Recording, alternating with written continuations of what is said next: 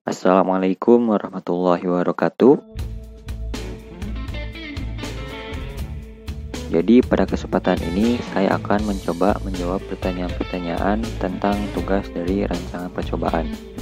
Sebelumnya, eh, saya izin memperkenalkan diri dahulu. Nama saya Prayoga Ibnu Solih Pamungkas, eh, NPM A012. Oke, langsung saja untuk soal yang pertama, yaitu apa yang saudara ketahui tentang rancangan acak lengkap? Jelaskan dengan singkat.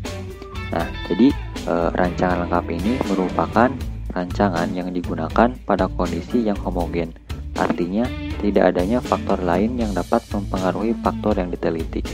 Nah, jadi boleh dikatakan bahwa e, rancangan acak lengkap ini merupakan rancangan yang paling sederhana daripada rancangan lainnya yang sifatnya itu baku. Nah, contoh dari rancangan lengkap ini yaitu percobaan-percobaan yang ada di laboratorium dan rumah kaca yang memiliki pengaruh lingkungan yang mudah dikendalikan. Oke, selanjutnya untuk nomor 2 yaitu bagaimana cara menentukan banyaknya ulangan dan pelakuan. Nah, pengulangan sendiri itu perlu dilakukan. Karena apa? Karena untuk menghasilkan suatu dugaan yang lebih tepat atau cermat untuk beragam galat percobaan.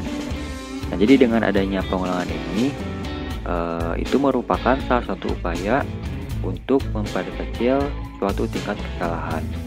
Nah, untuk menentukan banyaknya ulangan sendiri yaitu menggunakan suatu rumus. Yang rumusnya itu adalah e, T-1 R-1 lebih dari sama dengan 15. Nah, di mana T itu adalah suatu perlakuan dan R itu adalah ulangan. Nah, jadi e, pengulangan itu harus sama dengan kaidah-kaidah dengan mengikuti uh, perlakuan yang kita uji antara uh, perlakuan yang satu dengan perlakuan yang lain.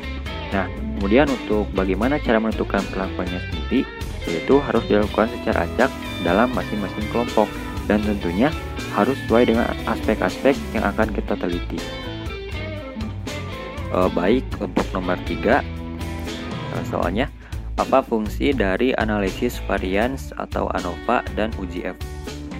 Nah, jadi uh, ANOVA sendiri merupakan uh, sebuah analisis yang merupakan singkatan dari analisis of variance yang dikenalkan oleh Ronald Fisher. Nah, ANOVA itu merupakan sebuah analisis yang menguji rata-rata antar kelompok atau grup atau bisa dikatakan suatu perlakuan. Nah, fungsi ANOVA sendiri yaitu untuk menguji hipotesis penelitian apakah ada perbedaan rata-rata antar kelompok. Nah, hasil akhir dari ANOVA ini merupakan nilai F. Sedangkan e, uji F sendiri yaitu merupakan uji yang dilakukan untuk melihat bagaimanakah pengaruh semua variabel bebas yang dilakukan pada suatu perlakuan yang dilakukannya itu secara bersama-sama terhadap variabel terikatnya.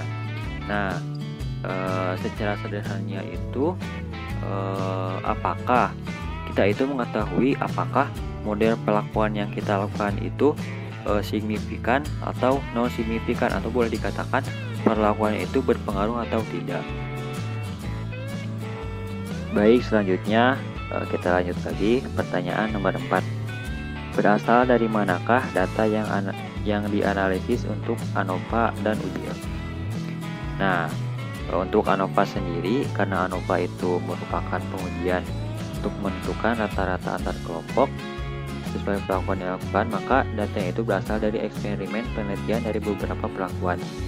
Sedangkan uh, uji F ini datanya itu berasal dari hasil ANOVA yang selanjutnya itu dibandingkan uh, nilai F dengan F tabel. Nah, selanjutnya nomor terakhir nomor 5, bagaimanakah cara menarik kesimpulan hasil uji F? Nah, jadi e, cara menarik kesimpulan uji F sendiri yaitu dengan membandingkan F hitung hasil e, yang berasal dari ANOVA yang merupakan hasil perhitungan analisis yang dibandingkan dengan tabel F. Nah, apabila F hitungnya itu lebih daripada tabel F, maka e, si H0-nya itu akan ditolak dan H1 atau H-nya itu diterima yang akhirnya akan e, timbullah kesimpulan mengenai apakah perlakuan tersebut signifikan atau berpengaruh e, artinya bisa digunakan untuk prediksi ataukah sebaliknya atau non signifikan yang tidak bisa digunakan untuk prediksi di uji T nanti. Mungkin e, sekian jawaban-jawaban dari saya terkait tugas di rancangan percobaan ini. Kurang lebihnya mohon maaf dan e, apabila terdapat kesalahan-kesalahan terkait jawaban saya atau mungkin e, kurang e, mohon untuk dikoreksi. Wabillahi taufiq wal hidayah. Wassalamualaikum warahmatullahi wabarakatuh.